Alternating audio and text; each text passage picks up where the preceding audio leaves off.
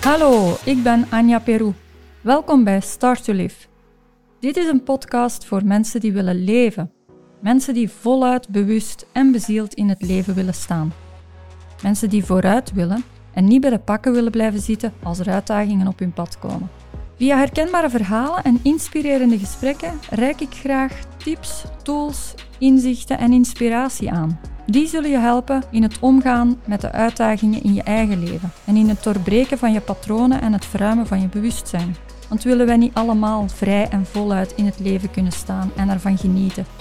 Ik hou er ook van om op een nuchtere manier de spirituele invalshoek te belichten. Volgens mij is het namelijk hoog tijd dat wetenschap en spiritualiteit en bij uitbreiding de lovers en haters dichter bij elkaar gebracht worden. Ik wens je veel luisterplezier, inspiratie, kracht en wijsheid toe.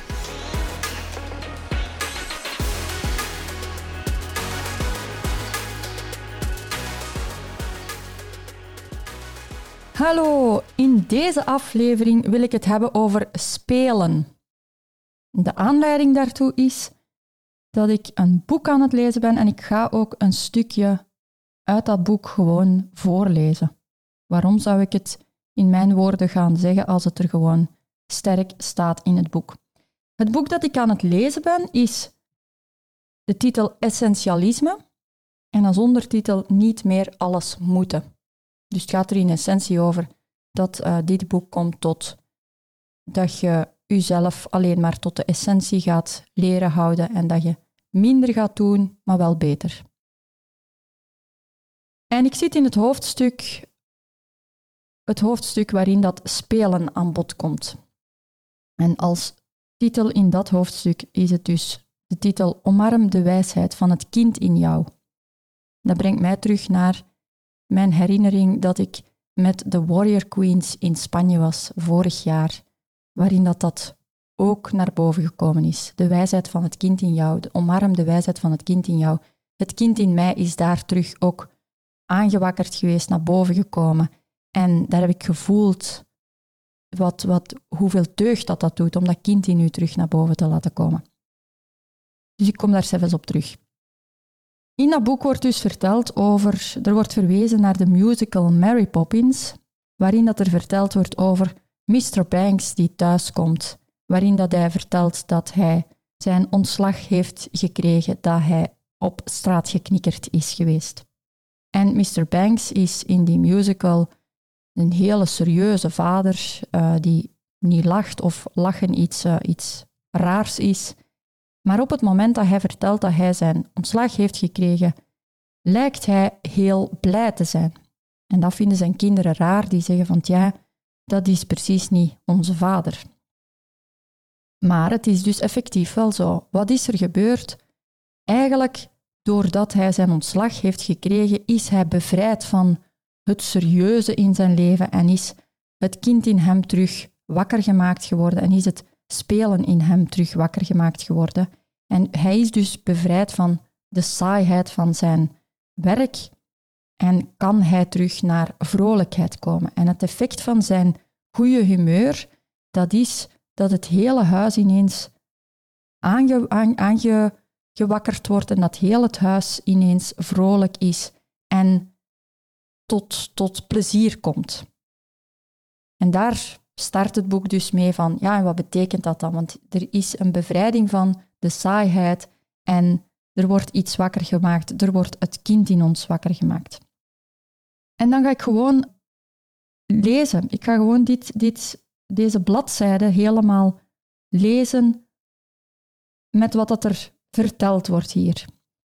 De meeste van ons hebben nooit formeel geleerd hoe we moesten spelen toen wij kind waren. Dat hebben wij vanzelf instinctief opgepikt. Denk maar eens aan de pure blijdschap van een baby als een moeder kiekeboe speelt. Denk eens aan een groep kinderen die hun fantasie loslaten op doen alsof spelletjes. Neem maar eens het beeld in gedachten van een kind dat in een staat van flow verkeert. Naarmate wij ouder worden, jammer genoeg, gebeurt er iets. We krijgen het idee voorgeschoteld dat spelen triviaal is. Spelen is tijdverspilling, spelen is kinderachtig. En helaas worden veel van deze negatieve boodschappen precies daar verkondigd waar fantasierijk spel het meest zou moeten worden aangemoedigd en niet onderdrukt. Het woord school is ontleend aan het Griekse woord schole, en dat betekent letterlijk vertaald vrije tijd. Maar ons moderne schoolsysteem, dat ontstond tijdens de industriële revolutie, heeft de vrije tijd en daarmee grotendeels het plezier uit het leven weggehaald en uit het leren weggehaald. Sir Ken Robinson, die van het onderzoek naar creativiteit op scholen zijn levenswerk heeft gemaakt, die merkte op dat in plaats van dat scholen creativiteit door spel aanmoedigen, ze haar in feite om zeep kunnen helpen. We hebben onszelf een fastfood-model van een schoolopleiding laten aansmeren. Het verarmt onze geest en onze energie, net zozeer als fastfood ons lichaam uitput. Verbeelding is de bron van elke vorm van menselijke prestaties. En het is het enige waarvan ik geloof dat we het systematisch in gevaar brengen door de manier waarop we onze kinderen en onszelf grootbrengen. We zitten ook, ik ben nog altijd aan het voorlezen. Dat is wat dat onderzoeker dus heeft gezegd. En daarin heeft hij gelijk, zegt de auteur. het idee dat spelen triviaal is, blijft ons bij op het moment dat we volwassen worden en raakt alleen maar meer ingebakken als we de werkwereld betreden.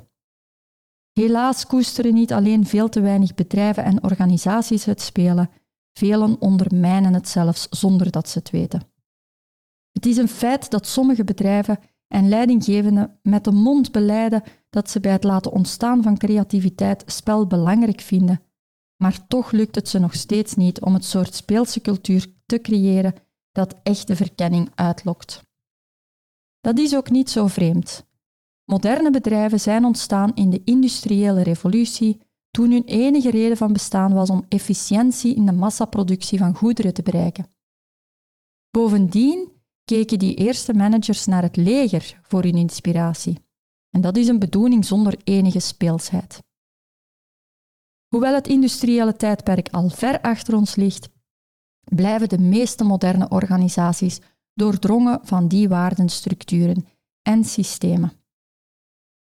En dan als einde, spel dat ik zou definiëren als alles wat we alleen maar doen omdat we het leuk vinden en niet als middel tot een doel, lijkt misschien een non-essentiële activiteit. Vaak wordt het zo beschouwd, maar eigenlijk is spel in vele opzichten wel essentieel. Spelen, zegt een onderzoeker daarin ook, spelen leidt tot hersenplasticiteit, aanpassingsvermogen en creativiteit. Niets stimuleert de hersenen zozeer als spelen. En dat is dus het stuk dat ik heb voorgelezen uit dit boek. En voilà. Ik was hier wel in verrast, door, van dat verrast nu niet helemaal, maar dat dat hier toch wel ook um, zo neergeschreven staat. Het woord school, dat, dat van het Griekse schole komt en dat vrije tijd betekent, en dat wij eigenlijk op school afleren, afgeleerd hebben om te spelen. Dat de plek, het woord school, dat vrije tijd betekent en waar dat eigenlijk het spelend leren zou moeten aangemoedigd worden, naarmate dat wij ouder worden. In de lagere school, daar mogen we nog spelen, maar in de, vanaf het middelbaar wordt dat geleidelijk aan weggenomen en wordt dat geleidelijk aan uh, dat spelen afgeleerd. Vroeger heb ik geleerd om in het eerste leerjaar om te schrijven, daarvoor kwam dat niet aan bod. En nu moeten kinderen al hun naam al kunnen schrijven voordat ze in het eerste leerjaar terechtkomen. Dus hoe jammer toch, ik, dat wordt hier dan in dat boek eigenlijk ook nog wel eens een keer benadrukt, het spelen dat zo belangrijk is en dat gewoon vanaf het moment dat wij op school komen, naarmate dat wij ouder worden, afgeleerd wordt. En ik heb effectief bij dat spelen, dat, dat wakkert nu opnieuw mijn, mijn ervaring in Spanje aan, zoals ik in het begin zei. Dat spelen, dat heb ik effectief ervaren, het kind in jezelf naar boven laten komen heb ik effectief ervaren in Spanje welk effect dat, dat heeft. En toen we daar eigenlijk ook spelend bezig waren. In mijn groep had ik het, uh, had ik het grote plezier of het grote geluk, of ja, het is gewoon zo, moeten, zo gelopen zoals het moest lopen.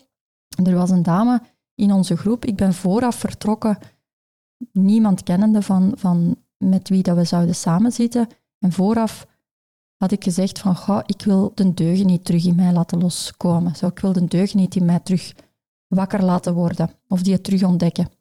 En in onze groep zat een, een dame, Patricia, een heel, heel tof, speels. Ja, zij heeft eigenlijk dat, dat, dat speelse in mij ook aangestoken terug. Want zij stond daar in de groep met heel veel speelsheid. Heel, ik denk dat ze bij de, bij, bij de oudsten van de groep was. En toch was, was ze qua die vrolijkheid de jongste van de groep. Bij alleen, om het zo te zeggen. Zij stond er met, met op elk moment dat ze gewoon, in, als we in het water kwamen, dat ze gewoon begon te spelen van, vanzelf. Als we aan het dansen waren, dan was zij precies een, een, een, een klein meisje die aan, aan het dansen was. Heel fijn om te zien. En zij heeft dat ook bij mij zo terug aangewakkerd om dat, om dat los te maken. En dan zag ik het effect ook nadien zo terug, dat ik in die ontspanning en in, die, in, die, in mijzelf daarin vrij kunnen laten van, ai, kom aan, trek je niet aan wat een ander denkt en trek je niet aan wat dat er, hoe dat een ander daarmee omgaat of, of wat dan ook, zolang dat jij vanuit je goede bedoelingen en vanuit uh, je vrolijkheid kun je eigenlijk niks, uh, niks kwaad doen of kun je niks, uh, niks slechts doen. als anderen dat slecht willen oppakken, ja, dat is eigenlijk hun probleem. Dat is zo toen terug wakker gemaakt in mij. En dat is iets wat ik van merk, dat ik dat toch wel regelmatig ook aan mezelf terug mag herinneren. Want het is in onze wereld wel zo, met, zeker met de, de, de toxische wereld van de social media, waarin dat je alleen maar azijnpissers ziet die op alles kritiek hebben en, met alles uh, ja, de, de, de negativiteit aanwakkeren. Ja, dat is ook voor onszelf zo. Voor mijzelf ook. Ik moet daarover waken, voor mezelf ook, van mij niet te laten besmetten met, met, door die toxische wereld. En mij, mij, mijzelf daar waakzaam op te houden van um, ja, die kritiek, van, de, van mij daar voor te wapenen ook. Of te wapenen is misschien het foute woord, maar, maar gewoon ook wel regelmatig terug te keren naar hé, hey, wacht eens even, dat, dat kind in u, laat dat terug los en laat u niet verstijven door de bezorgdheden en de kritiek en, de, en wat dan ook, of wat een ander denkt. Dus daarover deze aflevering, dat spelen in, u, in uzelf, als je het zelf voor uzelf kent en weet, Blijf het, uh, blijf het aanmoedigen, blijf het wakker houden bij jezelf. En als je het nog niet weet, ga op zoek naar mogelijkheden om het kind in jezelf los te laten of wakker te maken. Ga op zoek naar een, een dansclub waar dat je nog eens een keer kan gaan leren om vrijuit te dansen, zonder dansen alsof dat je leven ervan afhangt en dan niemand kijkt. Of gaan zingen als je graag zingt. Of gaan puzzelen met je kinderen. Noem maar op, spelletjes spelen. Ga met je kinderen buiten spelen als ze u daartoe uitnodigen. Whatever. En zoek andere mensen op die dat bij u ook wakker maken, die dat bij u ook mee aanmoedigen. Als je omringd bent door te veel, te serieuze mensen, zorg dan dat je de balans gaat opzoeken door ook andere mensen in je leven te gaan uitnodigen, waar dat je dan dat andere stuk mee kan gaan aanwakkeren. Voilà.